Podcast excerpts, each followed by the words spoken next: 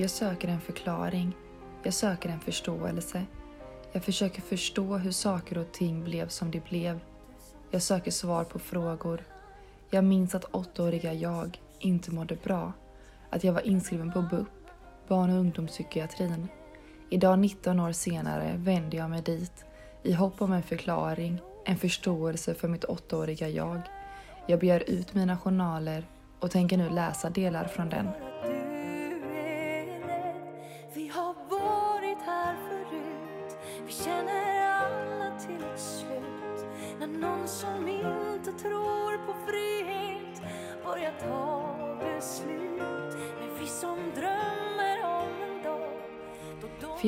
Oktober 2000. Föräldrarna upplever att Rebecka mår dåligt. Men Rebecka vill inte prata med någon av föräldrarna om detta. Rebecka kräks flera gånger i veckan och föräldrarna är oroliga för att det ska vara något fel. Vi pratar med familjen om att det hänt väldigt mycket för Rebecka de senaste två åren.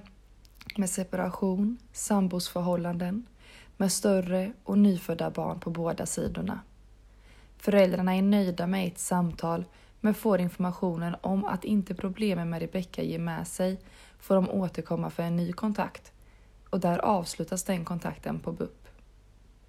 Två år senare, den 10 oktober 2002, då görs en ny anmälan. Rebecka har mått allt sämre under våren och hösten. Skolpersonalen har uppmärksammat att Rebecka mår dåligt. Hennes prestation vad gäller svenskan har gått ner betydligt. Kurator och skolpersonal är oroliga för Rebecka. Detta var några få meningar från journalerna på BUP. Jag tänker direkt att min problematik kring mat och ätande började tidigt, redan som åttaåring eller kanske till och med ännu tidigare.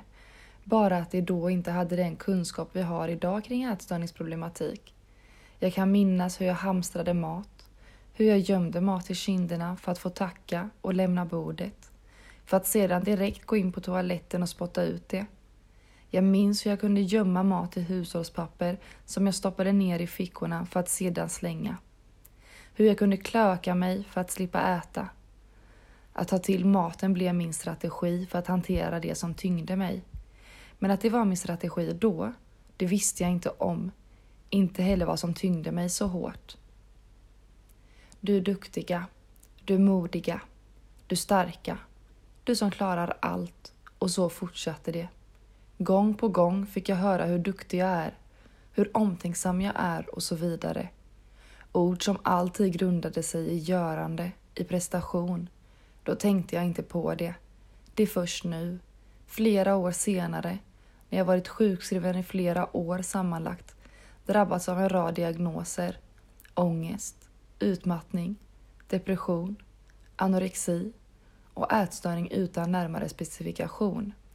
Det är nu när jag genomfört en rad olika behandlingar, timmar av samtalsterapi och så vidare som jag förstår, som jag kan dra paralleller. Lilla jag som alltid fick höra hur modig, stark, duktig, omtänksam och så vidare jag var. Hur hade jag det egentligen? Inombords? Inom mig? Vem var jag? Hur kände jag mig? Var jag så där stark som alla påstod? Eller var jag egentligen ynklig och svag? För visst hade det i perioder varit skönt att bli buren, när varje steg smärtade.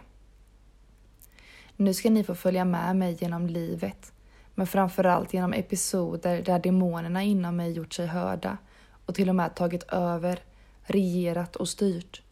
Jag kommer dela med mig av egna erfarenheter, fighter och upplevelser. Men jag har även bett några som stod mig närmst när jag var som sjukast att skriva ihop lite egna tankar. Hur det var för dem, hur det är att stå vid sidan om den sjuke, när maktlösheten är enorm och när den närstående inte når fram till den drabbade, den sjuka, i detta fallet när jag var sjuk i anorexi. Men först, innan vi går vidare, så vill jag poängtera att detta är så som jag minns det, så som jag upplevt det. Alla bär vi på en historia. Ingen är den andra lik, men alla är lika viktiga. Lyssna till dig själv, dina behov, det, det som känns rätt och bäst för dig. Kom ihåg, det finns bara en av dig och det är du. Du är bra och värdefull precis som du är.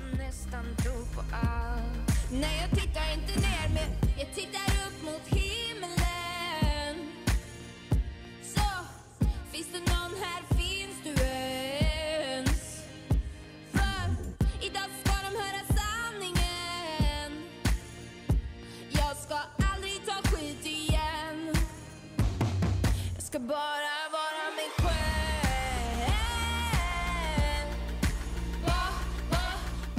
Periodvis under mina 27 år som jag vandrat på jorden har jag haft ett komplicerat förhållande till mat. Att svälta mig själv, att straffa mig själv, att slå på mig själv har varit metoder, strategier jag tagit till. När jag varit missnöjd med mig själv, när jag nedvärderat mig själv, när jag känt mig värdelös och misslyckad. Det har aldrig varit min avsikt att bli smal, att se sjuk ut eller något sådant. Det har mer handlat om att jag var tvungen att göra något, att prestera något för att vara värd något. Har jag inte presterat så har jag inte heller förtjänat att vara snäll mot mig själv. Jag trodde att mitt värde, mitt människovärde handlade om vad jag gjorde och vad jag presterade. Under min gymnasietid hade jag i perioder ett komplicerat förhållningssätt till mig själv, till maten, till studier och allt vad det innebar. Jag strävade hårt. Jag strävade alltid efter det högsta, det bästa betyget, för det var då jag kunde vara nöjd. Nöjd för en stund. Sen var det bara till att prestera hårt igen inför nästa kurs, nästa prov. Som sagt, jag trodde att mitt värde avgjordes genom mina prestationer. Jag hade en fantastisk mentor, Annette, en fantastisk idrottslärare, Kattis, och en underbar skolsköterska, Dollan. För att inte prata om alla andra lärare på framförallt barn och fritidsprogrammet på Falkenbergs gymnasieskola. Lärare, människor med hjärtat på rätt plats. Människor som sa vad de såg, som försökte hjälpa. Men jag var inte speciellt nåbar. Jag ville inte lyssna. Jag ville inte förstå. Jag ville inte erkänna. Samtidigt som jag bara ville ha hjälp. Men jag var rädd. Livrädd. Dollan, skolsköterskan, hon skickade en remiss till en ätstörningsmottagning. Jag gick dit några få gånger, men när läkaren tvingade mig att ställa mig på vågen, då fick jag panik. Jag ville inte. Jag övertalade honom att jag lovar göra det nästa gång. Men det blev ingen nästa gång. Jag avbröt kontakten. Det var jullov och när jag kom tillbaka till skolan efter lovet så hade Dollan fått ett brev. Ett brev där det stod att jag inte var villig att ta emot hjälpen. Att jag på egen hand valt att avstå hjälpen jag blev erbjuden. Smärtsamt, men sant. Jag ville inte acceptera. Jag ville inte förstå. Jag var inte nåbar, inte heller motiverad. Hade jag då förstått vikten av att ta emot hjälpen, att ta emot hjälpen på riktigt, hade det kanske aldrig blivit som det blev. Men där och då kunde eller ville jag varken se eller förstå. Jag var rädd, livrädd. Dollan lämnade mig inte. Vi gjorde en egen plan. Jag hade regelbunden kontakt med henne. Jag vägde mig regelbundet hos henne. Oavsett hur ångesten och oron omfamnade mig så kunde jag ändå känna lugn och tacksamhet av att någon såg, att någon ville hjälpa, trots att jag förnekade. Men en dag, en dag kände jag mig överkörd. Som om det helt plötsligt var dem mot mig. Jag hade bytt om. Det var dags för en av alla idrottslektioner jag hade på schemat. Som valbar kurs hade jag valt till så mycket idrott det bara gick. Vi skulle ha spinning och läraren, läraren jag då skulle ha, han tog mig åt sidan innan lektionen startade. Han pratade med mig och sa klart och tydligt Rebecka, du ska inte vara med.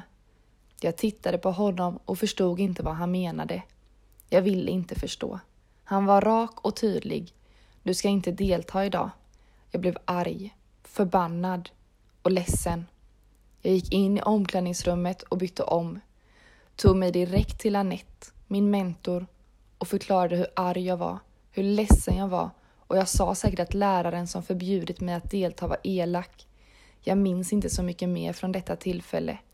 Mer än att detta inte enbart var ett beslut från läraren som tog mig åt sidan. Mina lärare tillsammans med Dollan hade tagit beslutet. Det var som om jag tappade förtroendet, tilliten. för en stund. Jag slog hårdare på mig själv, straffade mig själv allt mer eftersom jag ändå inte dög. Jag var ju inte tillräcklig. Oavsett hur arg, ledsen, besviken jag än var så är jag så tacksam för Dollan, Annette, Kattis och alla andra lärare på barn och fritidsprogrammet mellan åren 2008 till 2011. Deras närvaro, värme och förmåga att både se och lyssna var ovärderlig för mig. Ödmjukhet och tacksamhet är vad jag känner när jag tänker tillbaka på de åren. Dagen var kommen. Dagen då den vita mössan skulle få pryda mitt huvud. En dag med så oerhört mycket längtan och förväntan, men också en dag med tårar och avsked. Mössorna cirkulerade på borden, hälsningar skulle skrivas och minnen skulle förverkligas. I min mössa finns det en hälsning som betyder lite extra. En hälsning från en lärare, från Pinge. Han skrev Bli någonting stort, det vet jag att du kan.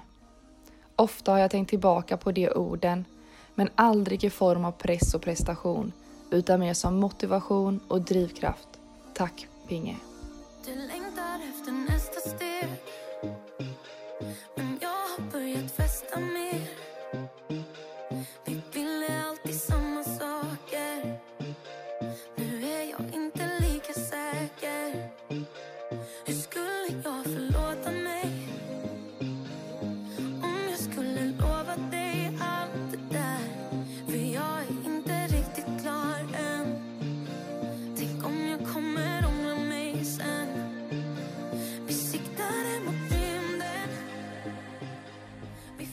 Mitt duktiga jag.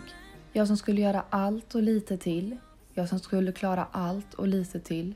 Jag som inte behövde hjälp. Jag som klarade mig på egen hand. Jag som trodde att jag var någon superkvinna som skulle orka vad som helst, när som helst och hur mycket som helst. Jag hade ju gjort det förut, klarat det jag tagit mig för.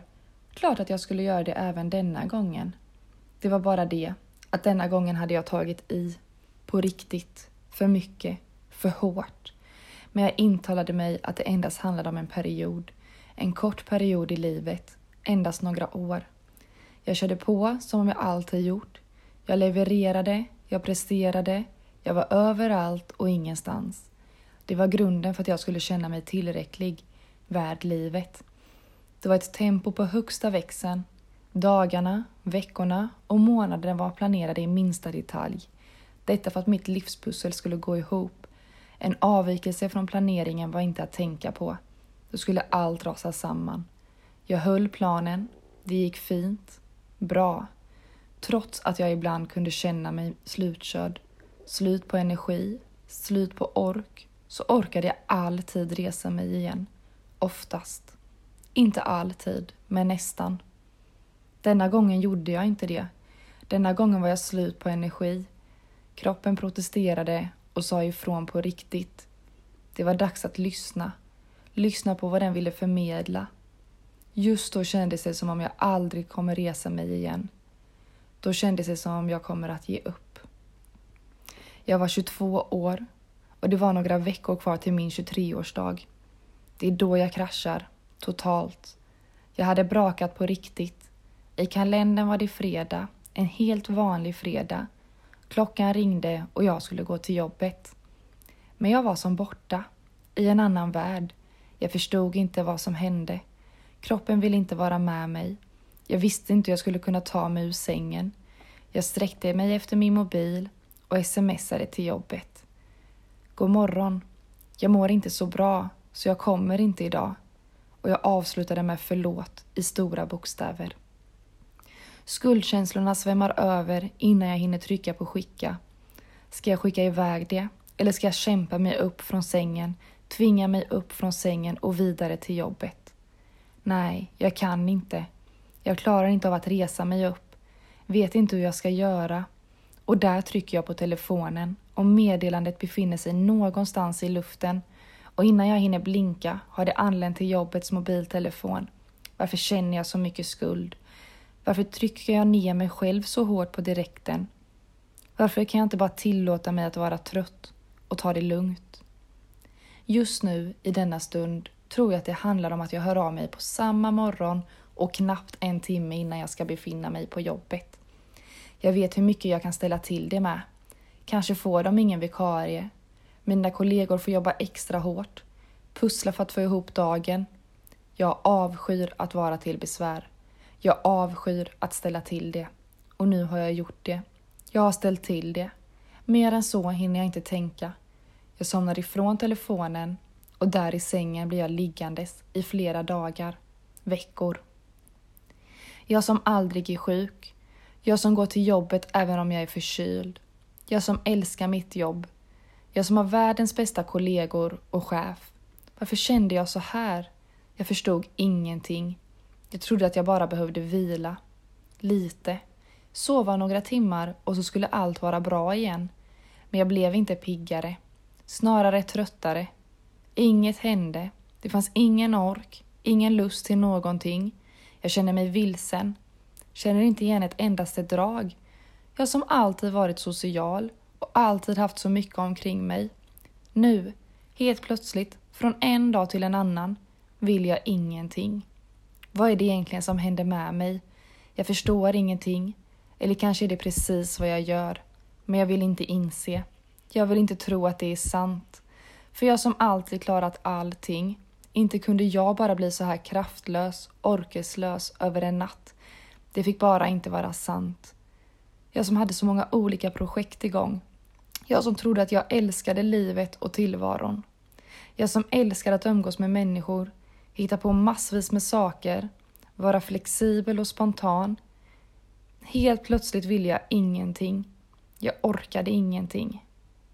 När orkeslösenheten kom som en blixt från klar himmel, då arbetade jag 90 procent, läste på distans 100 procent, arbetade ideellt för ett par organisationer i Sverige, skulle utbilda mig till ledare för en förening, träna, umgås med kompisar, familj, släkt och vänner. Mitt i allt detta skulle jag också ha tid för mig själv. Mitt livspussel gick inte ihop. Om jag hade lyssnat på min kropp när jag slutade sova på nätterna första gången kanske det aldrig hade blivit så här. Men jag trodde att mina sömnlösa nätter berodde på något annat. För varmt i rummet, för kallt, för många kuddar, för lite kuddar, för hårda kuddar, för mjuka kuddar och så vidare. Hela tiden försökte jag hitta en yttre faktor istället för att gå till mig själv, lyssna till mig själv, mitt inre. Men en ack så fel jag hade.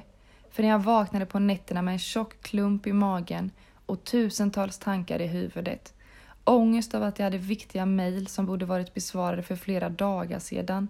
Ångest över den där högen på köksbordet av allt plugg. Ångest över att jag inte hunnit med så mycket som planerat. Ångest över att jag inte hunnit ringa, umgås med familj och vänner. Ångest över att hela tiden inte räcka till. Ångest. Det var bara ett ord, ett uttryck som jag använde mig av. För det var kanske inte ångest på riktigt jag kände den gången jag använde mig av ordet för att förtydliga hur allt jag behövde göra låg som en tyngd över mig. En tyngd på mina axlar. Jag kan skämmas över att jag använde mig av uttrycket på det sättet som jag gjorde. Ångest är absolut inget att skämta om. Det är inget att leka med. Ångest är hemskt och något som ska tas på allvar. Men just nu använder jag mig nog mest av ordet för att förstärka, förtydliga att något inom mig var fel. Idag vet jag vad ångest är. Inte bara ångest. Jag vet också vad panikångest är. Jag vet hur det känns. Jag vet hur jävligt det är. Jag vet hur ont det gör. Jag vet hur hemskt det är. Jag vet hur det kan kännas att inte få tillräckligt med luft. Jag vet hur ont det gör i bröstet innan ångesten smyger sig på. Jag vet hur rädd jag är när ångesten är som värst. När jag tror att jag ska dö. När jag tror att jag inte ska orka mer. När jag tror att försvinna från denna jord är det bästa. För precis så är det att leva med ångest. Under mina ångestattacker, då vill jag inget hellre än att dö. Jag vill ju bara försvinna. Men jag vet också att ångesten kommer och går, att den försvinner och då älskar jag livet. Jag vet att jag behöver acceptera ångesten. Jag vet att jag behöver låta den komma och låta den gå som den vill. Jag vet att jag behöver fokusera på att andas när den kommer. Jag vet att ångesten inte kommer döda mig jag vet att jag kommer må bra igen. Om det är med eller utan ångest, det vet jag dock inte. Jag vet att jag ofta säger ”jag vet”, men det är just för att jag vet. för att jag är medveten. Men samtidigt som jag är medveten, medveten förstår jag ingenting. Det är så motsägelsefullt. Alltihop. Några dagar har passerat sedan den där fredagen jag inte tog mig upp ur sängen och till jobbet. Hur är det möjligt? Det känns som igår, samtidigt som det känns som en evighet. Jag ligger i princip kvar i sängen. Jag har inte lämnat lägenheten en endaste gång. Jag orkar ingenting. Jag vill ingenting. Livet känns meningslöst. Det har varit dygn av oro, ångest och många funderingar om vad, jag om vad som egentligen hände med mig. Orden som jag fått höra genom hela livet att jag är stark, duktig, omtänksam och klarar allt, de ekar inom mig. Inte enbart en gång, utan gång på gång. Flera gånger om dagen. Kanske som en påminnelse om att jag ska kämpa vidare. Tillåta mig att det blivit som det blivit. Men jag kan inte. Jag lyckas inte tänka så. Istället tynger det mig. Jag deppar ihop och livet känns mer och mer meningslöst. Känner istället att jag är fel. Att jag är dålig som befinner mig där jag befinner mig. Skammen dränker mig. Istället för att vara stark och klara allt så är jag nu svag och klarar inte av att ta hand om mig själv längre. Det är helg och på måndag behöver jag gå till jobbet. Jag kan inte vara hemma längre. Jag får inte vara hemma längre utan ett läkarintyg. Jag har sms-kontakt med några av mina kollegor och en av konversationerna slutade med ett långt telefonsamtal. Ett samtal med omtänksamhet, värme och kärlek. Det är söndagskväll och det plingar till i mobilen och på displayen visar nytt meddelande från Lisa. Hur har du haft det i eftermiddag kväll? Hur gör vi imorgon tycker du? Jag följer såklart med dig, för ett läkarintyg måste du ha. Ska jag ringa åt dig och beställa en tid? Jag svarar. Vill du ringa så får du gärna göra det. Annars gör jag kanske det. Och Lisa svarar. Självklart ringer jag om du vill. Vad har du för personnummer?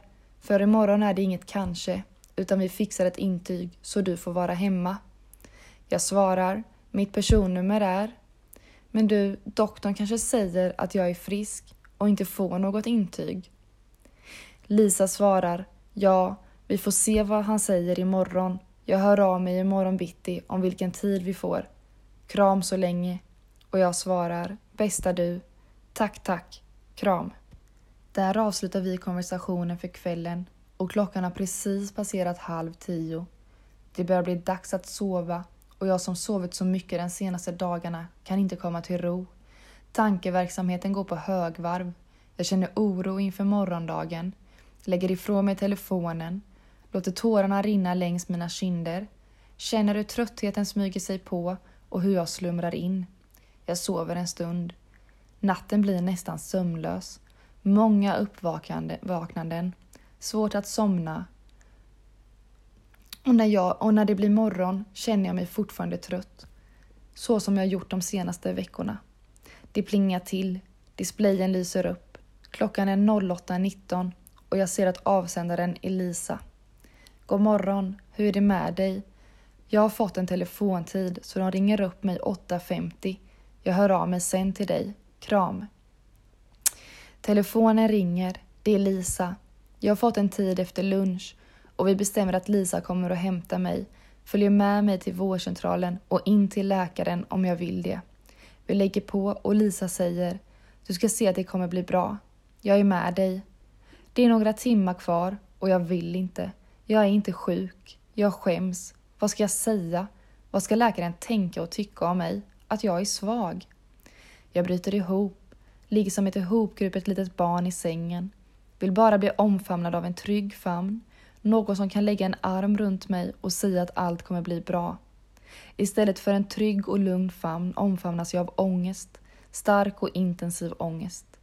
Paniken smyger sig på och innan jag vet ordet av det slår hjärtat tredubbla slag. Det blir svårt att andas och det känns som en tyngd över bröstet. Kroppen blir varm och jag börjar svettas. Kroppen börjar darra för att snart övergå till skakningar. Oftast är det precis så min kropp reagerar när panikångesten tar över. I vanliga fall hinner jag bli rädd, känna obehag och tro att jag ska dö. Visst känner jag obehag även denna gången. Men jag är inte rädd. Jag vet att Lisa kommer om några timmar och jag känner mig trygg med det. Lisa kommer och jag sätter mig i framsätet bredvid henne. Jag ger henne en kram. Vi kramas länge och hon säger Rebecka, detta kommer att bli bra. Så här som du har det nu kan du inte ha det. Och hon kör mot vårdcentralen.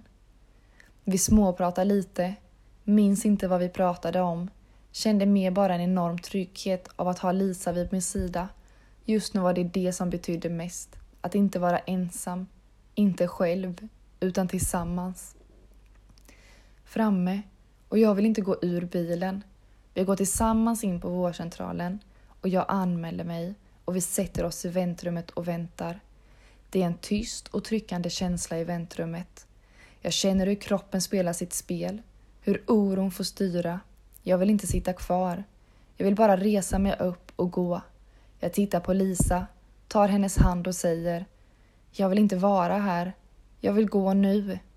Lisa lugnar mig och säger Det är snart din tur. Tankarna snurrar som en virvelvind. Jag är tom, vet inte vad jag ska säga. Jag har inget att säga. Jag är inte sjuk, jag är bara trött. Inte sjuk, men för trött för att gå till jobbet. Hur rimmar det? Inte alls. Allt är bara konstigt och obegripligt. Jag kan inte säga att jag inte orkar jobba för att jag behöver sova. Det kan jag bara inte. Alla som alltid sagt att jag klarar allt. Nu klarar jag inget. Jag sitter med gråten i halsen tillsammans med en kollega för att jag inte klarar av något så enkelt som att ta mig till vårdcentralen själv. Jag hör hur några långsamma steg närmar sig väntrummet och klockan har passerat min besökstid. Mannen som kommer fram till receptionen får ett papper i sin hand. Han ställer sig och tittar ut mot väntrummet och säger Rebecka. Och jag tittar på Lisa och hon frågar om hon ska följa med in. Absolut, säger jag. Tar i hand med läkaren, presenterar mig och följer efter honom. In till undersökningsrummet. Jag får sätta mig på britsen, Lisa på en stol intill väggen och läkaren sätter sig på den hårda, silvriga pallen som säkert finns på alla mottagningar. Läkaren börjar med att berätta vad han vet om mig, vilken information han fått.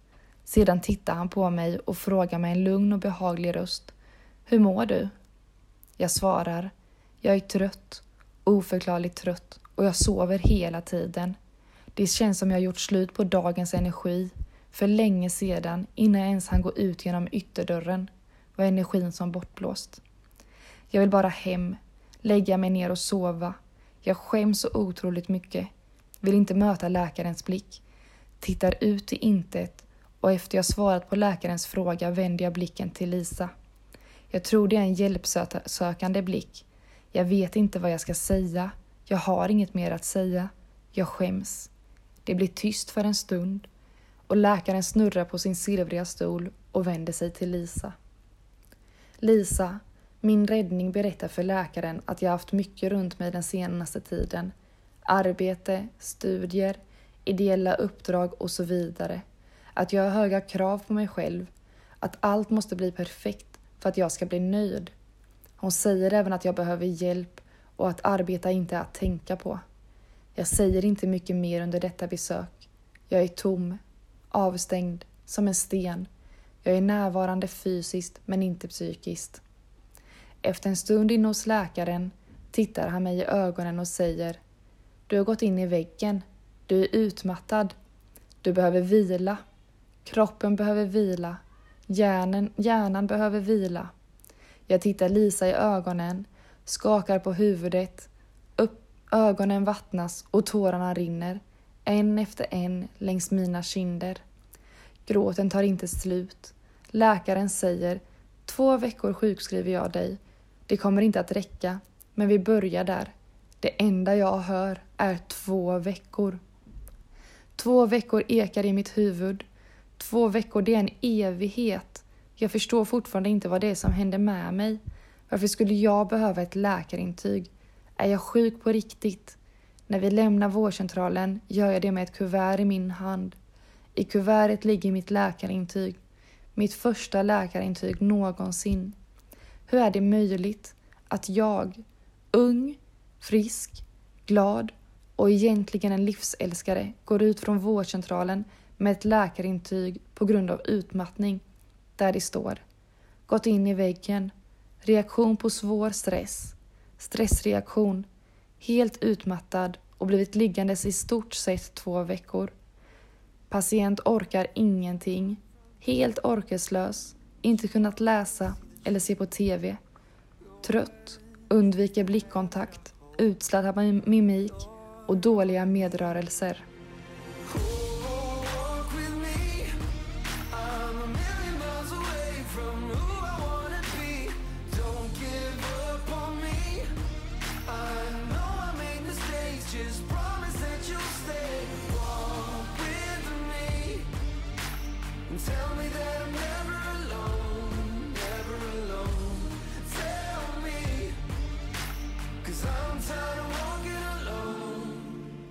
Jag sätter mig i bilen och känner mig så splittrad. Jag är bara trött, inte sjuk. Samtidigt känns det skönt att ha ett intyg i handen. Min första tanke blir, nu ska jag ta igen allt jag inte orkat med den senaste tiden. Men ganska snabbt kommer tanken till mig att det inte är möjligt. Jag orkar inte. Pappret jag håller i min hand, det är ett bevis på att jag faktiskt mår dåligt. Ett bevis på att jag inte bara inbillar mig, men framför allt en uppmaning om att fortsätta vila, ta det lugnt, sova och låta kroppen bestämma, återhämta sig. Att trötthet är en sjukdom som kräver ett läkarintyg, det trodde jag aldrig. Detta kommer att bli början på en lång resa, en resa med många dalar, men också toppar och framförallt nya och värdefulla erfarenheter. Till en början trodde jag att det var den där natten eller den där morgonen när jag inte klarade av att resa mig upp ur sängen och vandra vidare till jobbet. Den dagen den vände upp och ner på livet. Det var då jag trodde att mitt liv förändrades över en natt. Idag vet jag att det inte var där och då det började. Att det inte alls har med den där natten eller morgonen att göra. Det började långt innan dess. Det var alla andra dagar i mitt liv, alla andra dagar innan den där dagen som förändrade mitt liv. Jag började slå hårdare och hårdare på mig själv. Jag orkade inget. Jag gjorde inget. Jag som alltid strävat efter prestation och det perfekta. Jag var varken perfekt eller presterade. Jag gjorde ingenting. Jag kände mig värdelös och hopplös. Jag kände skam och skuld. Skam för att jag ser på mig själv som jag gör. Skam för att jag förminskar mig.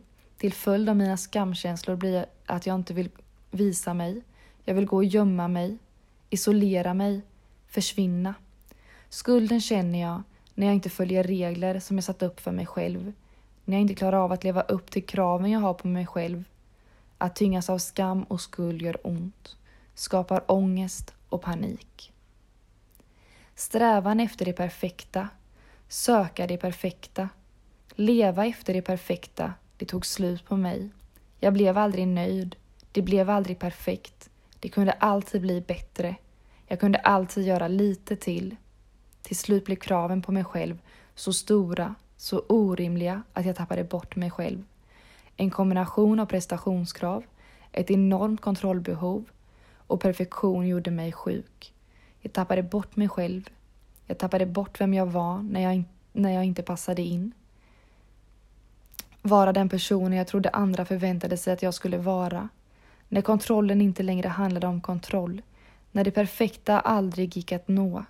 Det var då, det var då jag brakade, gick sönder i tusentals bitar. Jag kände inte längre mitt värde. Jag var inte längre värd att leva livet. Varför existerade jag ens på denna jord när jag bara var till besvär? Jag trodde att jag var säker på att världen skulle bli så mycket finare, så mycket bättre om jag lämnade. Jag slutade äta. Jag var för trött för att ta mig till köket och göra mat. Jag var för trött för att åka och handla. Jag intalade mig att jag inte behövde mat om jag ändå inte gjorde någonting. Det gick ganska snabbt, så var det som om någon annan tog överhand över mig. Som började bestämma vad jag fick och inte fick, vad jag förtjänade och inte förtjänade, vad jag var värd och inte värd. När jag inte åt som jag skulle så tappade jag ganska snabbt i vikt och då omvandlades mina tankar om att jag var dålig till något annat. Jag var fortfarande dålig och värdelös som inte levererade, men samtidigt som jag klarade av att avstå maten så var jag duktig. För innerst inne visste jag att det är ett behov som behöver tillgodoses oavsett vad. Men att då klara av att gå emot det, det gav mig en kick. Äntligen fick jag känna mig duktig och tillfreds för en stund. Det var bara det, att den känslan inte fick vara kvar speciellt länge. Den blev aldrig bestående. För jag klarade av att avstå maten, fick jag tankar om att jag var duktig, men det var bara det att så småningom ökades kraven på mig själv. Det räckte inte längre att jag enbart avstod mat. Jag kunde få äta ibland, om jag gjorde mig av med det. Allt jag fått i mig och lite till. Det började med promenader, snabba promenader som övergick till snabba promenader flera gånger om dagen och på natten. Som övergick till ett tävlande i antal steg jag klarade av att gå per dag. Som övergick till att jag alltid behövde överstiga en summa. En summa som nåbar. Men det var bara det, det räckte inte här. Inte heller här blev jag nöjd, för jag kunde göra lite till, lite bättre. Det räckte inte längre att enbart kompensera med ett reducerat näringsinnehåll och promenader. Jag behövde ta till fler och fler metoder. Jag började kräkas och fick som en kick av det. Jag kunde då tillåta mig att äta, men lika snabbt få upp det igen. Detta parallellt med tidigare regler. Jag klarade av detta och kunde då inte heller få vara nöjd, för jag kunde lite till, lite bättre. Jag tog till fler sätt att kompensera på. Jag började använda mig av laxeringsmedel. Till en början bara vid enstaka tillfällen. Jag var för rädd. Rädd för hur kroppen skulle hantera det, hur den skulle må. Men när jag lärde mig hur den fungerade, då var jag inte längre rädd. Och dosen ökades och ökades. Hela tiden. Nu räckte det inte enbart att ta laxeringsmedel en gång om dagen. Antalet gånger blev fler och fler och jag var fast, beroende. Jag kände mig tom och det var en härlig känsla. När jag kände mig tom hade jag varit duktig. Det var bara det att det slutade inte heller här. För när jag kände mig tom så fick jag också en känsla av att vara ren. Ren inombords. Det är säkert svårt att förstå om man aldrig varit där. Hade jag själv aldrig blivit drabbad hade jag säkert haft svårt att förstå. Ganska snabbt så ställde hjärnan till det för mig igen. Ren kunde jag bara vara om jag var tom. Så om jag åt någonting så var jag äcklig och smutsig. Och att känna sig äcklig och smutsig, det är en vidrig känsla. Att äcklas av sig själv är hemskt. Detta ledde så småningom till regler. Regler kring ätandet. Jag fick äta, men bara vissa saker, för annars var jag äcklig och smutsig. Jag fick äta på ett speciellt sätt och så vidare. Reglerna blev bara fler och fler, hårdare och hårdare. Det där monstret som successivt fick bosätta sig inom mig blev aldrig nöjd. Aldrig någonsin. Och jag blev fast.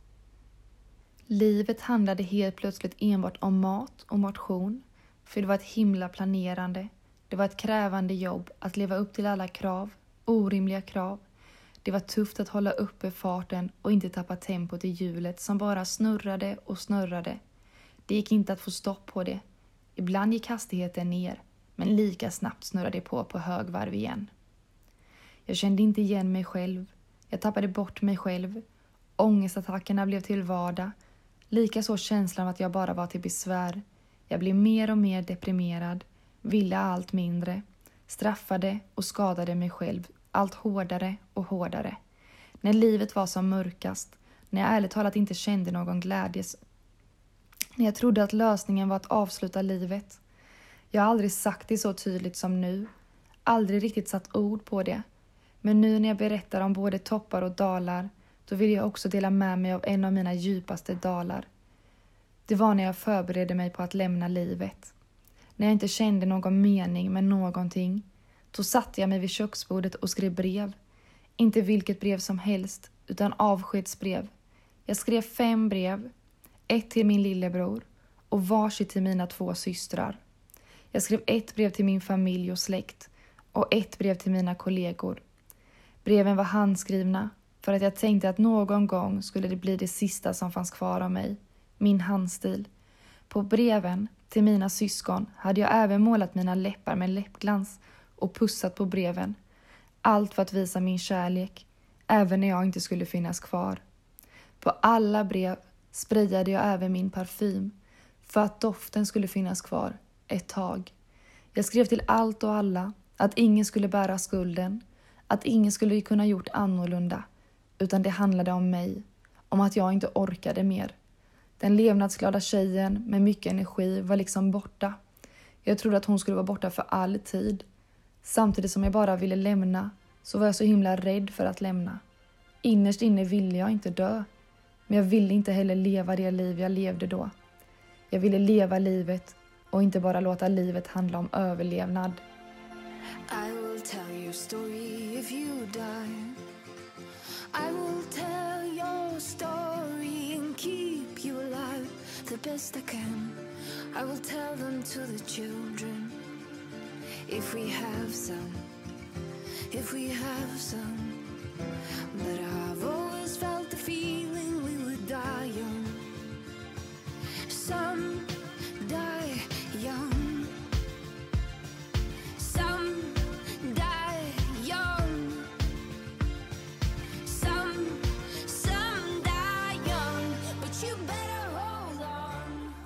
När jag slussats fram och tillbaka inom vården, mått så dåligt så att jag efter ett samtal hos min psykolog inte fick åka hem, utan istället träffa en läkare som skulle bedöma mitt tillstånd.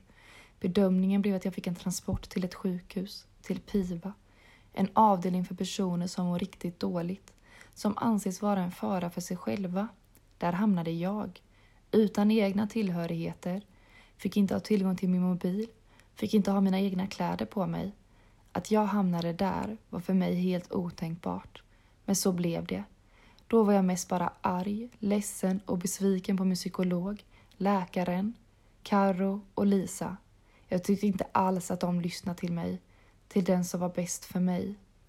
Idag ser jag tillbaka på situationen med helt andra ögon. Kanske inte med deras ögon, men med ett betydligt större perspektiv och friskare ögon. Efter några nätter på Piva så fick jag nog. Jag skrev ut mig själv. Jag kunde skriva ut mig själv för att jag kommit dit frivilligt. Jag skulle säga att jag absolut inte var frivilligt, men det var inte heller med tvång och polisbil. I Sverige fungerar systemet så. Jag hade lagt in mig frivilligt och kunde därför skriva ut mig själv. När jag skrev ut mig själv så bestämde jag mig för att jag aldrig mer skulle hamna där. Jag skulle ta hand om mig själv bättre, vara snällare mot mig själv. Det höll i några dagar, två veckor för att vara exakt. Sen var jag tillbaka.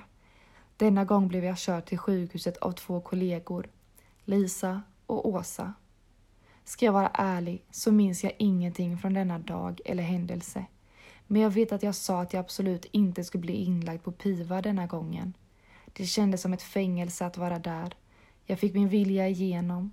Läkaren som den dagen skrev in mig, han, hon lyssnade till mig. Jag vet att jag sa att jag bara skulle bli sjukare av att vara på PIVA och hamnade på en annan avdelning. Avdelning 19. Det kändes genast bättre att veta att jag fick bära mina egna kläder men framför allt att jag fick ha tillgång till min telefon. Då kände jag mig mindre övergiven och mindre ensam. Det var en tuff tid. Jag fick kämpa hårt och varje dag var en kamp. Inte bara varje dag, utan varje timme. Ibland även varje minut. Jag ville ingenting. Jag ville bara stänga dörren om mig själv och vara inne på mitt rum. Lyckligtvis hade jag ett eget rum, tack och lov. Där låg jag i sängen, tittade upp i taket, ut genom fönstret. Dagarna gick så långsamt. Personalen försökte involvera mig i olika aktiviteter, men hela tiden tackade jag nej. Jag ville inte att någon skulle se mig. Ingen. Måltiderna serverades i matsalen på avdelningen, men jag gick aldrig ut dit. Jag ville varken äta eller att någon skulle se mig. Det funkade i några dagar. Sen gjordes en individuell vårdplan för mig där det beslutades att jag fick äta på mitt rum. Men då satt jag bara där. Jag stirrade på maten och gjorde inte en tillstymmelse till att äta. Sa att jag inte ville ha. Klarade mig alltid undan om jag drack ett halvt glas med mjölk. Men det höll inte heller. Till slut gjordes en ny vårdplan och denna gången fick jag en halv portion och dessa skulle ätas upp och då övervakas jag av personal under och efter måltiden. Det var ständiga krig, världskrig inombords och mellan mig och personalen. Jag klarade inte av detta längre. Jag väntade in helgen och beslutade mig för att skriva ut mig. Efter den gången kom jag aldrig mer tillbaka till någon av de två avdelningarna. Inte till de avdelningarna, men jag blev inskriven på en ätstörningsmottagning för att gå i behandling, dagvårdsbehandling. Jag gjorde det mest för att lugna omgivningen. Jag gick inte in helhjärtat. Jag gjorde vad jag skulle när jag var där, men resten av timmarna på dygnet var det sjukdomen som styrde. Jag tog mig framåt. Vågen sa att jag gick framåt, men i själva verket var det ett spel. Jag tog steg fram, stampade på ett ställe och sen föll jag djupare och djupare. Efter många tvister med vården, dels när jag sa ifrån att jag behövde mer vård, omfattande vård, att jag var redo, att jag var beredd att ta emot hjälpen, att jag ville investera i mig själv, då trodde inte vården på mig längre och då slutade jag själv att kämpa. Jag gav upp. Jag skrev ut mig själv från ätstörningsmottagningen och tänkte att jag fick acceptera livet, att jag drabbas av anorexi och att jag resten av mitt liv skulle leva frisk fast sjuk. Det gick ett tag, sen gick det utför. Men denna gången struntade jag i vilket. Jag orkade inte längre. Jag orkade inte hålla mig flytande. Jag orkade inte mer. Vården ville inte hjälpa när jag hade vänt mig till dem jag skulle vända mig till. Och när de då vände mig ryggen, då hade jag inte längre något val. Jag vände om. Jag struntade i vilket. Livet blev sämre och sämre. Jag sjukare och sjukare. Men mitt i allt detta var det så himla viktigt för mig att få sista ordet. Trots att jag var svårt sjuk så tänkte jag att jag en sista gång skulle kämpa för mig själv. Mest i rädsla för att jag faktiskt var så sjuk så att jag trodde att jag skulle hamna på sjukhus ofrivilligt och då ville jag inte att vårdpersonalen jag skulle möta i så fall skulle tro att jag var en otacksam patient. För det var så läkaren på ätstörningsmottagningen sa till mig. Jag begärde ut mina journaler från min tid på ätstörningsmottagningen och det jag läste, det stämde inte alls överens med min uppfattning. Det fina i allt detta tuffa är att jag nästan alltid skrivit, skrivit av mig, dagbok, saker som hänt, hur jag mått och det har hjälpt mig mycket i mitt tillfrisknande.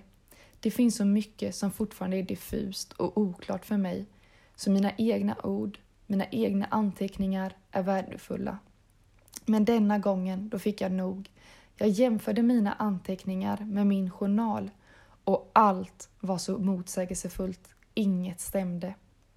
Jag skrev ett 13 sidor långt brev till enhetschefen där jag hade kopierat ut delar från min journal och detta markerade jag i svart. Sen skrev jag in mina egna tankar och upplevelser i blått och alla mina frågor i grönt. Allt för att tydliggöra och vara så pedagogisk som möjligt. Jag begär ett skriftligt svar för jag hade läst på mina rättigheter som patient och visste att jag hade rätt till ett skriftligt svar. Jag fick ett brev, men inte svar på mina frågor. Istället var jag välkommen på ett möte till enhetschefen och till läkaren som då hade haft hand om mig. Läkaren ville jag absolut aldrig se igen och sa ifrån direkt att det går jag inte med på. Men till enhetschefen tackade jag ja. Detta tillsammans med Carro. Nu vill jag inte gå själv. Jag orkade inte gå själv. Jag visste att mitt minne sviker då och då och för att vara på den säkra sidan vill jag ha ett vittne med mig. Det blev ett bra möte. Enhetschefen tackade för brevet, beklagade att det blivit som det blivit, insåg att det fanns brister i deras arbetssätt, framförallt i deras kommunikation, som hon tagit med sig högre upp i organisationen. Hon beklagade att det blivit som det blivit för mig.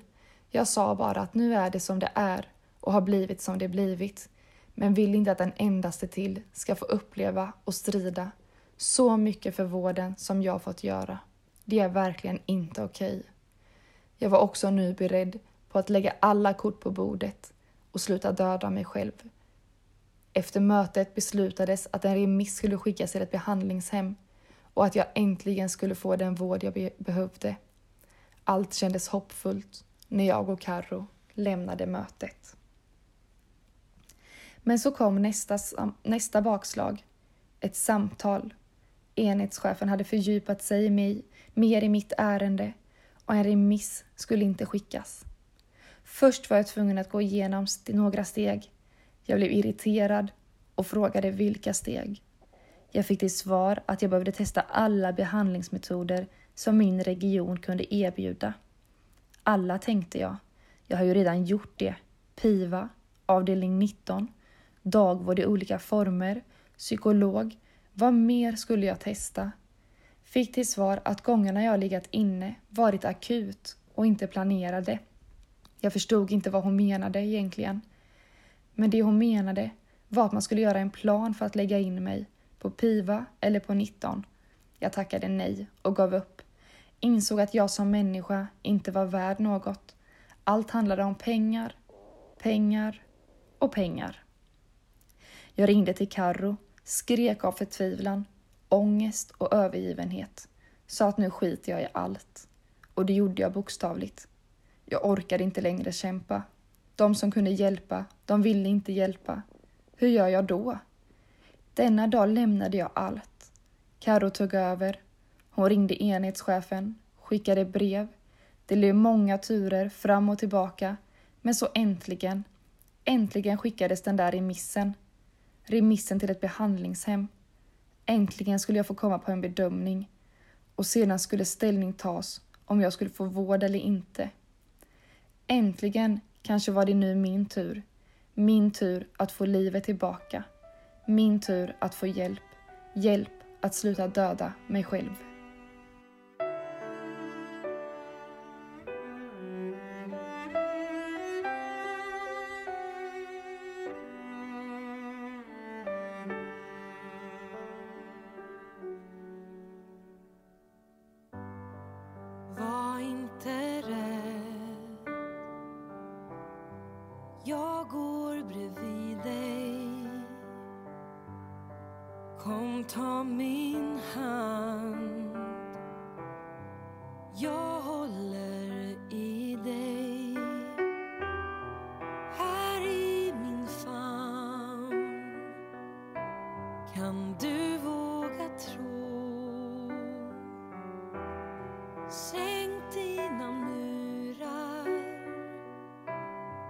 Jag ger dig ro Jag är evigt tacksam för det stöd jag fick under mina mörkaste perioder. Jag är evigt tacksam för det i min närhet som fanns, dag som natt, vardag som helg. Öppna hem, matlådor i brevlådan, matkassar till dörren. Då, visste jag säkert, då visade jag säkert inte min tacksamhet. Ärligt så tror jag inte heller att jag var tacksam då. Men idag, jag vet att allt har haft en så stor betydelse för mig mot det friska livet. Ni är många och jag vill att ni ska veta att det är tack vare er jag lever idag. Er ödmjukhet, er förmåga att stötta, att finnas, att vara närvarande, er värme och era hjärtan. Era hjärtan är av guld. Ni betyder så mycket för mig. Som jag själv säger det. Jag har en biologisk pappa och en biologisk mamma. Men idag har jag även en himla massa extra föräldrar. Någon extra mormor och extra farmor för den delen också. Längs denna resan har jag tyvärr även förlorat vänner, värdefull vänskap. Men den vänskap jag har kvar, den är betydligt starkare idag än då. Så glad för riktig vänskap. Tack för att ni aldrig gav upp hoppet när jag själv hade gjort det. För länge sedan. Det är söndag, den 10 december 2017. Andra advent. Och jag spenderar dagen i Göteborg och på Liseberg.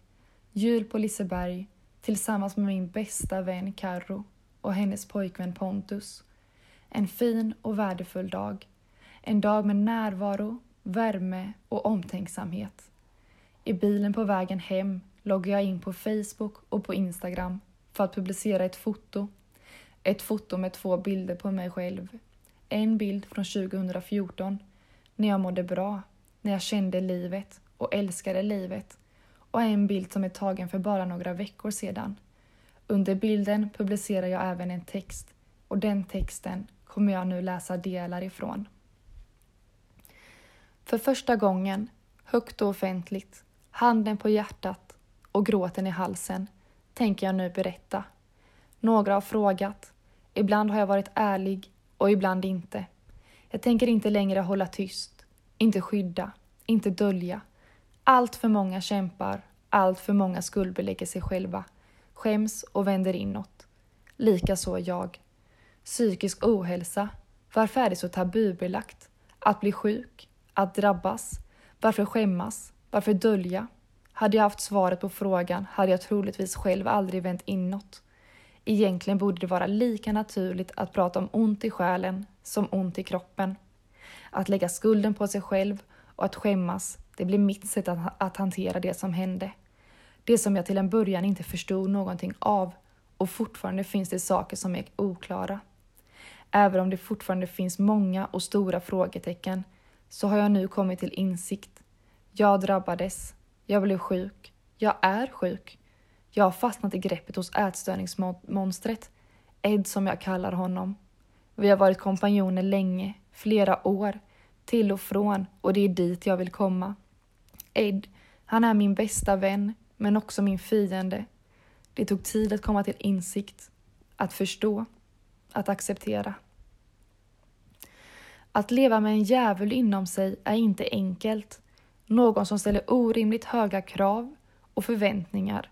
Och när jag lever upp till kraven, då blir de bara fler och fler, hårdare och hårdare. Jag klarar inte av att leva upp till kraven längre. Jag gör inte det. Kraven är för stora, för riskfyllda. Alla elaka ord som ekar inom mig, alla elaka kommentarer, alla handlingar jag måste lyda, alla tvång. Jag står inte ut längre. Det handlar om, handlar om liv och död. Det är dags att ta farväl.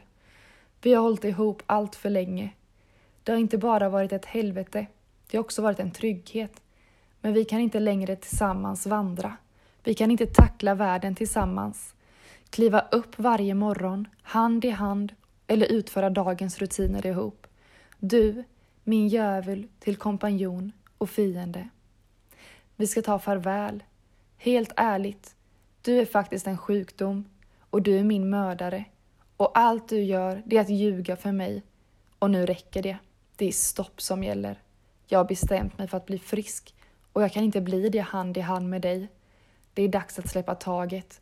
Du om mig och jag om dig. Vår relation, vår kärlek måste dö och därmed din närvaro i mitt liv. Det är nu slut på att slussas fram och tillbaka inom vården. De senaste åren har jag testat på det mesta. Det har inte varit någon dans på rosor. Det har varit ett krävande resa som tagit kraft och energi från mig, där jag verkligen fått kämpa för min rätt. Min rätt till rätt vård. Nu är det dags för ytterligare något nytt. Jag ska vara ärlig. Jag är livrädd för vad som komma skall. Låta någon annan bestämma. Låta någon annan ta kontrollen. Det är med gråten i halsen och tårar som rinner längs mina kinder jag nu sitter här och trycker på tangenterna. Men det finns också en känsla av befrielse. Att nu äntligen våga berätta, våga ta emot hjälp, helhjärtat, öppet, inte dölja, inte skydda. Skådespeleriet har kostat mer än vad jag någonsin kunde tro. Hur rädd jag än är så kommer rädslan inom mig aldrig att bli mindre. Jag har väntat och väntat på att den ska bli till den rätta tiden. Men den rätta tiden, den kommer aldrig. Jag kan inte vänta längre. Jag längtar efter frihet. Jag längtar efter livet. Det fina livet. Det goda livet. Jag förstår att vägen till frihet och friskhet är lång, krokig och att jag kommer mötas av hinder. Att det stundtals kommer krävas enorma ansträngningar. Att det stundtals kommer bli nattsvart. Att jag kommer behöva handskas med känslokrig jag har garanterat ett omfattande arbete framför mig. Det viktigaste arbetet jag någonsin stått inför. Arbetet med mig själv. Jag har redan påbörjat arbetet, men nu är jag redo att ge mig själv en ärlig chans. Inte en chans för alla andra, utan en chans för mig själv. Jag vill detta nu. Jag vill hitta det friska livet. Ska jag vara ärlig så vet jag egentligen väldigt lite om vad som komma skall och det skrämmer mig och skapar ångest. Men någonstans inom mig så känner jag även en känsla av lugn. Det är dags. På måndag, den 11 december, då flyttar jag till Capio ätstörningscenter i Varberg. Det är platsen jag ska läka på, finna mina pusselbitar och lägga mitt pussel. Det är platsen jag ska hitta tjejen som jag saknar. Tjejen som jag inte längre känner. Tjejen som fått allt för lite plats den senaste åren. Det sägs att allt har sin tid. Tiden som skådespelerska är slut. Tiden för djävulen inom mig ska få ett slut. Tiden att hitta mig själv är här. Det är dags. Rebecka, du ska få komma fram. Ta större plats. Leva livet. Börja leva. Inte bara överleva.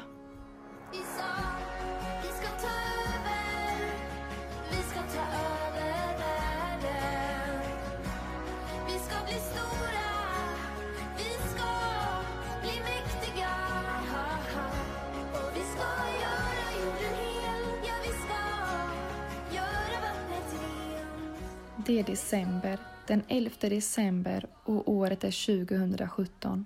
Det är en fin dag, minusgrader och vackert. Himlen är blå och vinden vilar och solen kikar fram. Frosten på marken glittrar och ett hav som lugnar, som balsam för själen. Men just idag, idag är det med tunga steg jag promenerar längs med havet tillsammans med Karro. Havet, mitt smultronställe, Idag försöker jag njuta lite extra.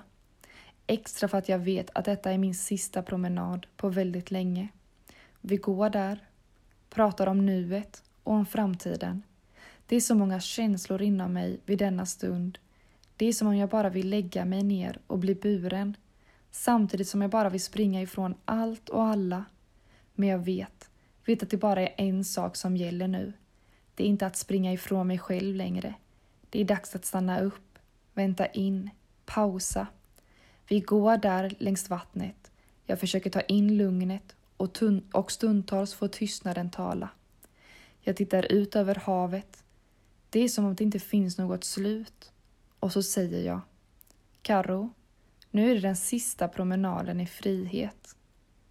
Karo vänder på det och säger. Det är den första promenaden mot friskhet. Vi kliver in genom den gröna dörren till ett av de gula husen på området, sätter oss ner och väntar. Nu är det nära. När som helst kommer vi att bli mottagna av personal. Inom mig är det krig, världskrig. En del av mig säger att jag ska sitta kvar. Den andra säger att jag ska ta chansen att springa därifrån medan jag kan. Men att fly är inte längre ett alternativ. Jag har flytt för länge och flykterna har aldrig resulterat i något bra. Jag sitter kvar, andas, håller Carro i handen och väntar. Jag hör steg i korridoren som kommer närmre och närmre. Jag tittar på Carro och hon på mig. Hon säger med sin lugnande röst. Detta kommer bli bra, Rebecka. Jag försöker ta in hennes ord och i öppningen till väntrummet där står en man.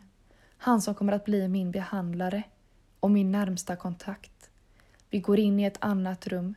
Ett rum med svarta skinnfåtöljer, en grön växt på bordet och en tv som hänger på väggen. Vi går igenom lite papper, upplägget den närmaste tiden och så småningom går vi ut på gården och över till nästa hus. Även det huset är gult och det står kliniken vid sidan om dörren. Vi går upp på andra våning och till rum nummer ett. Mitt rum den kommande tiden. Det ligger ett vykort på sängbordet där det står Välkommen Rebecka till Capio ätstörningscenter.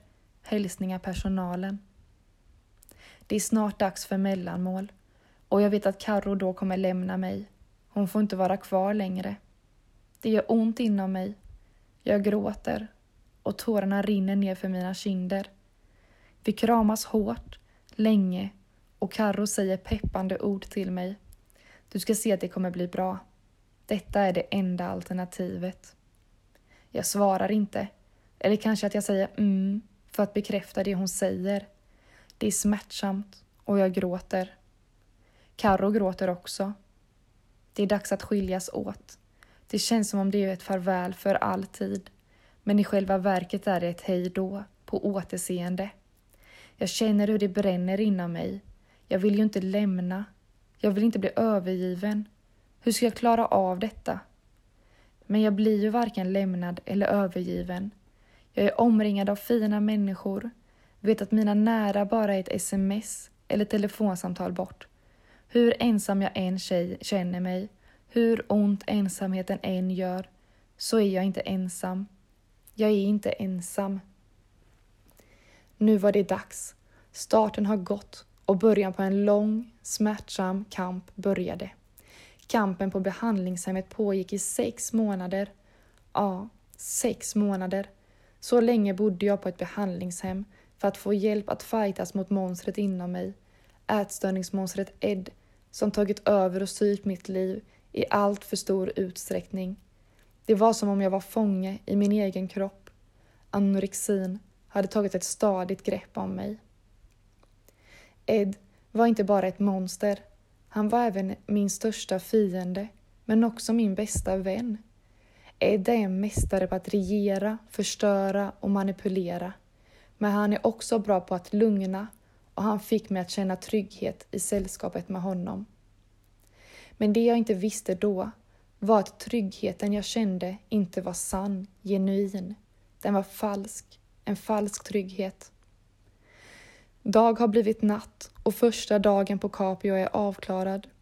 Trots att jag endast varit här några timmar känns det som jag varit här i en evighet.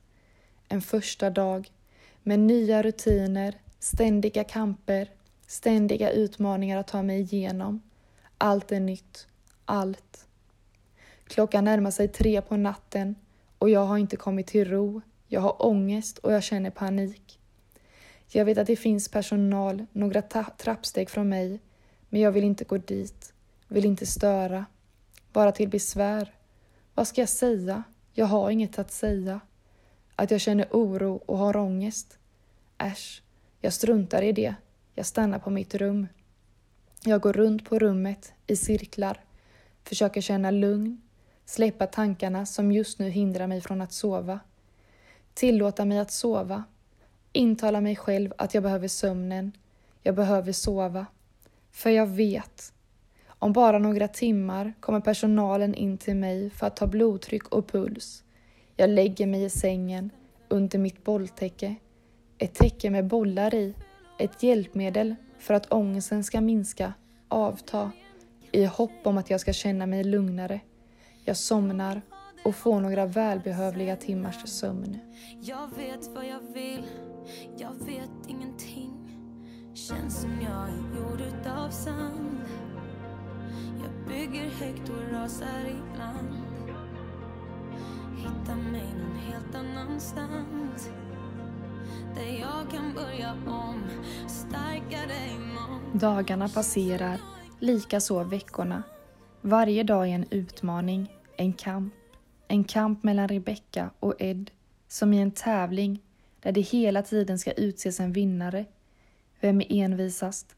Vem är starkast? Vem är segraren? Ibland vinner jag, Rebecca. Ibland är det Ed som står som segrare. Ibland orkar jag fightas mot Ed, ta striden. Ibland lägger jag mig platt, spelar död, ger upp, just för att jag inte orkar, inte har styrkan. Försöker intala mig själv att det är okej. Okay. Okej okay att inte alltid vara stark, att inte alltid orka. Det är okej. Okay. Okej okay, så länge jag reser mig igen. Så här i början av behandlingen är det fullt fokus på måltiderna. Att äta sex måltider per dag. Det låter kanske enkelt, men för en person som lider av ätstörningsproblematik är det inte enkelt. Det är en kamp. En kamp hela dagen. Innan varje måltid, under måltiden och efter måltiden. Det är ångestpåslag och en ständig kamp. Det känns som om det endast jag gör är att äta, äta och äta. Rädslan för att gå upp i vikt, att bli tjock, den är så oerhört stor, gigantisk. Jag har något som kallas distraktion efter varje måltid. Detta tillsammans med personal. Detta för att inte göra mig av med det jag ätit. Detta för att få hjälp när paniken, ångesten tar över. Värdefullt att ha någon nära, något som kan hjälpa och lugna. Hur värdefullt det än är, hur mycket jag, Rebecka, än uppskattar att ha någon vid min sida, så hör jag hur Ed inom mig skriker. Förklara för mig hur värdelös jag är, hur dålig jag är, hur misslyckad jag är som inte följer hans ord, hans regler. Jag försöker distrahera mig själv genom ord, att skriva. Ibland funkar det, ibland inte. Ibland får Ed ta över makten. Ibland tar jag hjälp av personalen. Inte i den utsträckning som jag borde. Det finns något som tar emot. Att be om hjälp är svårt. Men jag övar. Jag blir bättre och bättre ju längre tiden går. Livet är som en berg och dalbana. Livet går upp och livet går ner. Ibland i ett rasande tempo för att ibland stå still. Hur tufft det än är i behandlingen, oavsett hur rastlös, stressad och ledsen jag är, så behöver jag kämpa. Det gör ont att andas, andas med för små lungor. Känslan av att känna sig gigantisk, men samtidigt vara miniliten, det smärtar, det är smärtsamt. Oavsett vad det är, så är det inte läge att ge upp, att vända om, att gå tillbaka. Jag behöver stanna, fångas upp, tänka framtid, förstå varför jag kämpar, varför jag bor på ett behandlingshem. Innerst inne vet jag det. Livet. Jag längtar efter livet. Att leva livet. Livet ska levas, inte enbart överlevas. Den dagen när jag tillsammans med Carro gick in genom dörrarna på Capio, då var jag rädd. Livrädd. Rädd för att bli lämnad, övergiven, rädd för att inte känna mig trygg. Men var det något jag kände så var det trygghet. På Capio jobbar individer med hjärtan på rätt ställe. Det är omsorg i väggarna och värme i korridorerna. Tacksam för det. Att välja väg, att stå ett vägskäl, att sortera för och nackdelar, att våga tänka framtid, en framtid som sjuk i anorexi där döden är målet, eller en framtid som frisk och fri. Valet är enkelt, men vägen är besvärlig. Att varje dag, flera gånger om dagen ifrågasätta sina tankar, fightas mot ångest, skam och skuldkänslor, det är krävande, smärtsamt, det tär, tar på krafterna och motivationen. Att ena dagen vara stark för att i nästan falla. Att behöva klättra, att behöva utsättas för vägar där det står risk för ras, risk att fortsätta vandra. Antingen går det bra eller så rasar jag. Jag rasar ibland, men det är genom mina ras som jag lär mig. Samtidigt som mina ras får mig att tvivla. Tvivla på mig själv. Tvivla på min förmåga. Kontroll. Det är påfrestande att känna sig svag, dålig och värdelös när jag trodde att jag var stark och hade kontroll. Det var då jag var som svagast och hade tappat kontrollen. Att lämna över kontrollen och låta andra vägleda när jag själv inte förmår är svårt. I detta fall till personalen på Capio. Men att successivt ta tillbaka kontrollen är plågsamt och smärtar. Det är en ny form av kontroll som ska återtas. Den riktiga kontrollen. Kontrollen som Rebecka styr över. Det krävs styrka och mod, vilja och kämpaglöd. Det är inte lätt och det är inte längre läge att låta Ed styra. Låta Ed ha kontrollen. Den kontrollen han vill att jag ska ha, den är falsk, manipulerar och förstör. Styrka. Många gånger tvivlar jag på mig själv, om jag har styrkan, om jag är tillräckligt stark för att ta mig ur detta, om jag är tillräckligt med styrka för att inte vara rädd för att känna, inte vara rädd för mina tankar. Jag vet att det krävs styrka, men även mod. Mod att våga, mod att inte agera på känslan, Mod att inte agera på tanken. Det krävs mod att hålla ut, vänta ut, acceptera, att känna sig trasig, att känna sig hel. Att tänka men inte förstå vad jag tänker. Att känna men ändå vara innehållslös på känslor. Att inte kunna andas fast luft är det jag har. Oro och rädsla över att förlora det som skapar trygghet i min själ. Rädsla över att vara ensam och över att bli lämnad. Varför är rädslan så stor? Hur kan tomheten göra så ont när den inte består av någonting? Du måste först lära dig att gå Men för varje vingligt steg du tar finns jag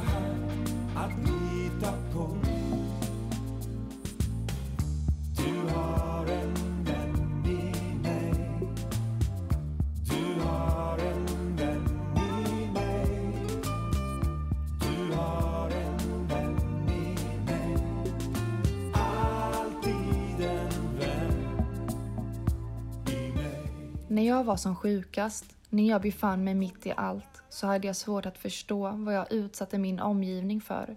Jag kan fortfarande inte förstå allt som jag faktiskt gjorde, allt som jag utsatte dem för.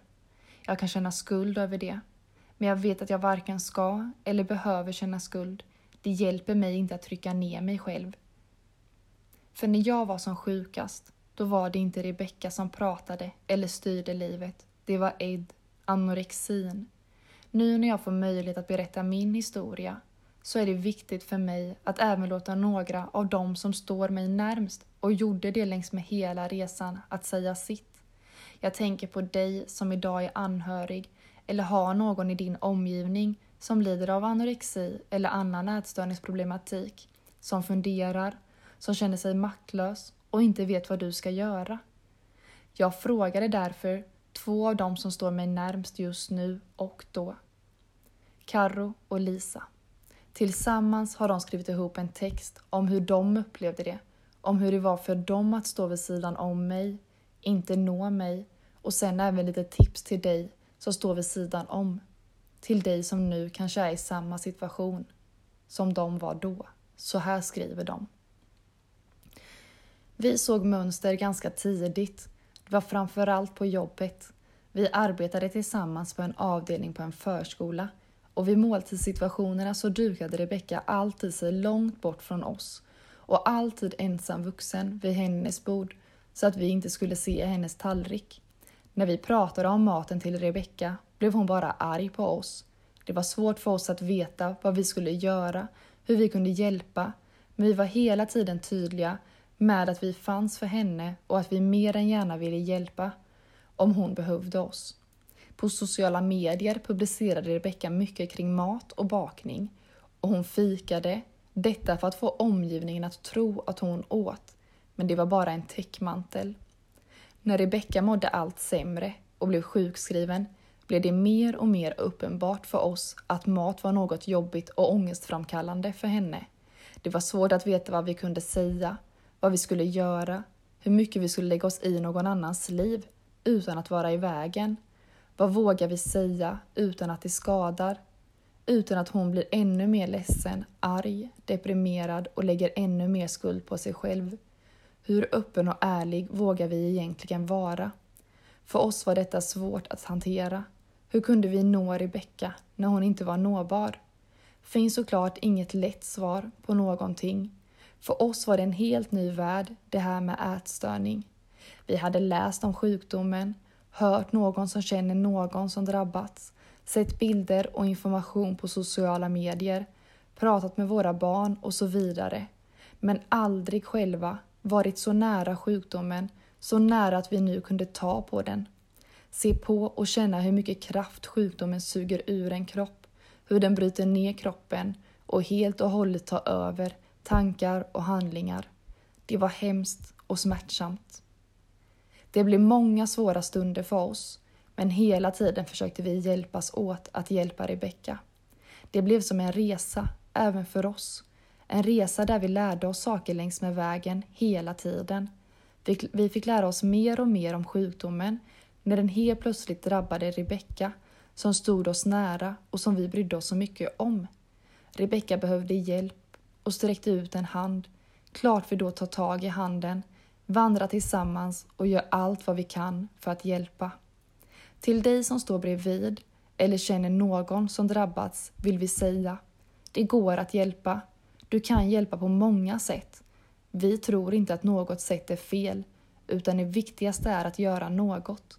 Att agera och hjälpa utan att skuldsätta. Berätta vad du ser. Berätta att du vill hjälpa. Att du är beredd att ta fighten med den drabbade. Det kommer troligtvis inte räcka att du säger det en gång. Du kommer behöva säga det gång på gång. Men ge aldrig upp. Fortsätt. Våga be om hjälp. Ta hjälp av proffsen, vården. Visa att du kan följa med på möten. Visa att du vill och kan ta fighterna för rätt vård om det krävs. I Rebeckas fall fick hon kämpa mycket med vården och det var många turer fram och tillbaka innan hon fick rätt vård. Rebecka hade gett upp hoppet längs med vägen, men då tog vi över. Då tog vi fighterna med vården. ringde runt och gjorde vårt yttersta för att hjälpa. Det är absolut inte en motorväg där allt går i rätt riktning hela tiden. Det kommer krävas dikeskörningar, ursvängar och tvärstopp. Men ge aldrig upp. Fortsätt kämpa. Fortsätt visa att du finns och att du vill hjälpa. Det är några ord vi vill att du som står bredvid just nu ska bära med dig. Det kan vara svårt, påfrestande och maktlösheten kan vara stor. Även du kan tänkas behöva hjälp och stöttning. Vi är så tacksamma att vi var några stycken som fanns till hjälp för att hjälpa Rebecka. Vi kunde rådfråga och stötta varandra när det behövdes. Denna resan har inneburit att vi lärt oss otroligt mycket om sjukdomen, om hur det var för Rebecka. Vi har lärt oss om oss själva, om att våga ta beslut över en annan person som inte har förmågan att göra det själv. Det är smärtsamt att se hur nära döden kan vara. Som vanligt när någon blir sjuk i anorexi så lider personen tyvärr också av väldigt mycket ångest. Rebecka hade det verkligen tufft och vi har kämpat oss igenom panikångestattack efter panikångestattack tillsammans. Vi har aldrig tidigare tagit hand om någon med ångest och inte heller sett hur personer reagerar när attacken kommer. Hur agerar man? Hur hjälper man någon genom en ångestattack? Vi lärde oss snabbt att det viktigaste var att finnas i närheten. Oftast lät vi Rebecka ligga i ett knä och helt enkelt gå igenom attacken, låta den komma och låta den övergå. Vi lät henne gråta, skaka och krampa. Vi klappade henne över håret och lät henne krampaktigt krama våra händer. Vi pratade lugnt med henne och andades genom ångesten. Långsamma, djupa andetag, som en påminnelse till Rebecka att andas lugnt och med magen. Usch, detta var jobbiga kvällar och nätter och inte utan att tårarna trillade emellanåt. Det slår oss ofta hur många panikångestattacker hon gick igenom själv egentligen, när hon var alldeles ensam hemma i en mörk lägenhet. Ingen som kramade eller höll om henne. Någon som kunde andas lugnt med henne och torka tårarna längs kinderna. Någon som pratade lugnt och berättade hur fin och värdefull hon är. Hur orkade hon egentligen? Hur klarade hon av att ta sig igenom detta själv stundtals? Hon visste att hon alltid kunde skicka ett sms och att någon av oss då kommer befinna sig hemma hos henne på bara några minuter. Men det var ändå inte många gånger hon bad oss komma. Men det betydde också att när hon hörde av sig, då var det kritiskt. Hon behövde oss direkt. Någon som omfamnade henne och ett knä att vila i eller en axel att luta sig mot. De gånger telefonen ringer och det står Rebecka vet vi att det är kris och att hon behöver stöttning omedelbart. Då har vi genast lämnat det vi gjort och tagit oss hem till henne. Ibland har man varit orolig för vad man ska mötas av när man kommer in i lägenheten. I vilket tillstånd skulle vi möta Rebecka? Nåbar eller apatisk? Våra familjer har självklart också blivit involverade och de har haft en stor förståelse när det varit läge att låta oss vara tillsammans och stötta Rebecka. När Rebecka inte svarar på telefonsamtal eller sms har vi alltid blivit oroliga eftersom vi vet att hon alltid är nära sin telefon. Och då har vi tolkat tystnaden som att Rebecka mått riktigt dåligt. Vi har åkt hem till Rebecka och knackat på av oro. De värsta stunderna var under en period då vi var rädda att Rebecka skulle ta sitt liv. När hon var så uppgiven och lät så beslutsam om att hon helt enkelt inte ville leva längre. När hon tog sina nattliga promenader, långa promenader, gick till havet bara för att rensa huvudet, för att kunna gå ifrån det som, hon var, som var inom henne. Alla de onda tankarna som ibland blev handlingar. Frågor som var går hon nu? Hur länge har hon varit borta? Hur länge ska vi vänta innan vi agerar? Vad säger man till en ung tjej som inte ser någon ljusglimt i livet? När vi hör av oss till Rebecka idag, då svarar hon nästan alltid omgående. Om hon inte har möjlighet att svara i stunden kommer det oftast ett kort sms med orden ”Jag skriver senare”. Hon vet att vi blir oroliga annars.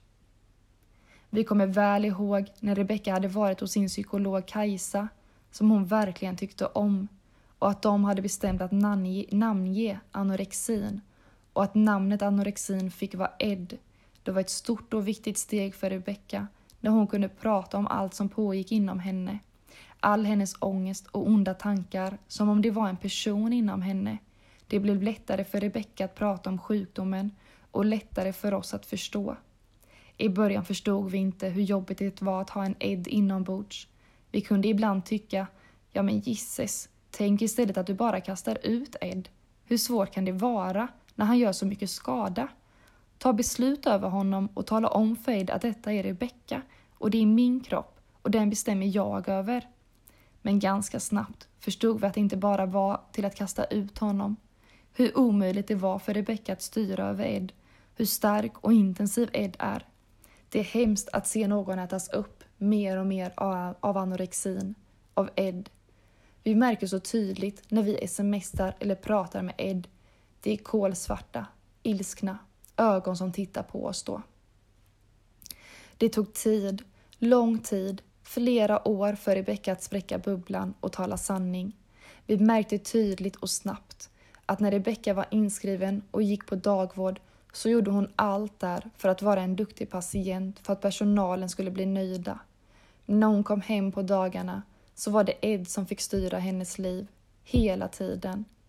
Men det var så skönt när Rebecka verkligen la alla kort på bordet och var beredd att ta fighten mot Ed och anorexin på allvar. Det kändes som en sista chans att ta makten över Ed och få tillbaka livet. Det var en underbar känsla när Rebecka fick en plats på ett behandlingshem, Capio ätstörningscenter, men också så sorgligt att lämna henne där. Det blev många turer hit och dit, toppar och dalar, men när Rebecka verkligen vågade lita på behandlingen och kämpa med behandlingen istället för mot den, då blev vi så himla glada.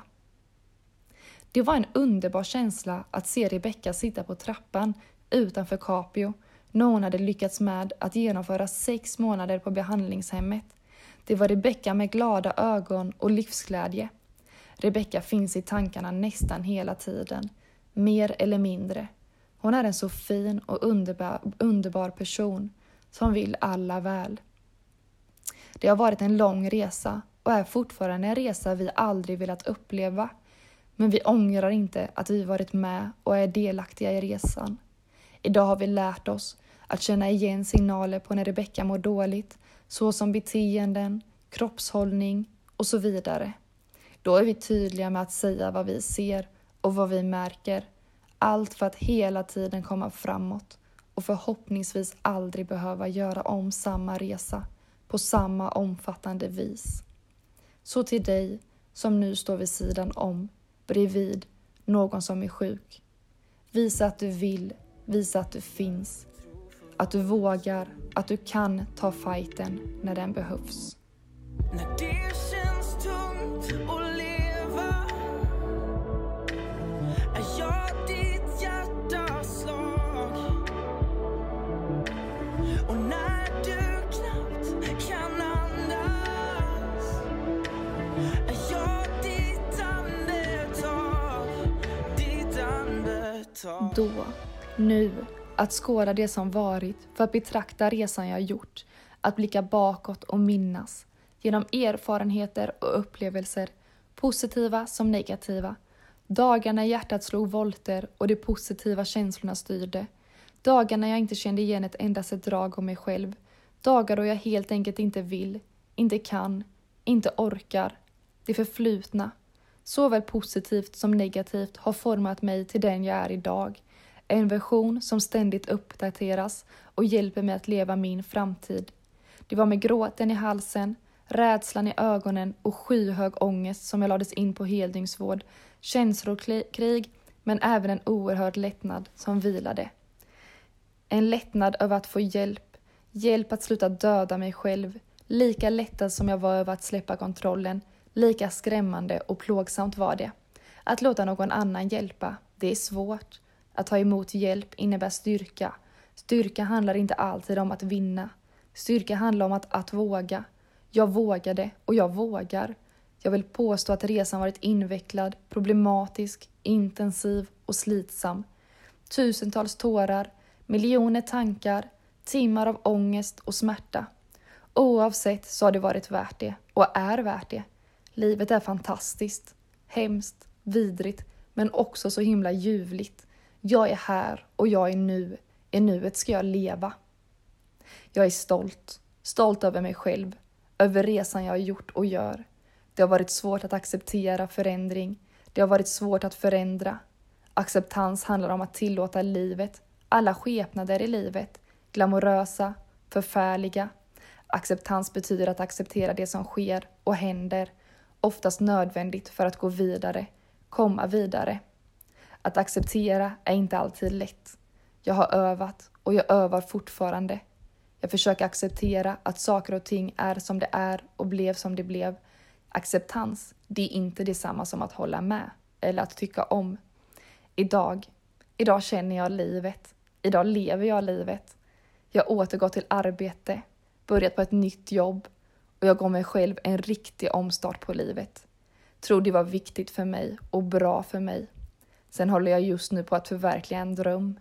Jag har ansökt om att driva eget, starta eget och till min stora glädje är allt klart och jag kan titulera mig egen företagare. Här ska ut och föreläsas, prata om krav, prestation, perfektion, känslor, ångest, anorexi och ätstörningar och allt det där vanliga som ändå framstår som konstigt och ovanligt i vårt samhälle. Jag tror på att prata högt och det tänker jag göra. Tack! Tack för att ni har lyssnat på mig om hur det varit för mig i perioder i livet. Vill ni samtala vidare eller har ni några frågor? Eller om ni tänker på något helt annat så är ni mer än välkomna att höra av er. Ni hittar mig lättast på Instagram. Där heter jag Rebecka Jansson 92. Rebecka med två C. Där finner ni länkar till mitt företag, till min mail och andra kontaktuppgifter. Ni är så varmt välkomna att höra av er. Nu vill jag bara passa på att säga några välvalda ord till dig från mig. Det finns bara en av dig och det är du. Ta hand om dig. Det är du som ska leva ditt liv, ingen annan. Var rädd om dig. Kärlek.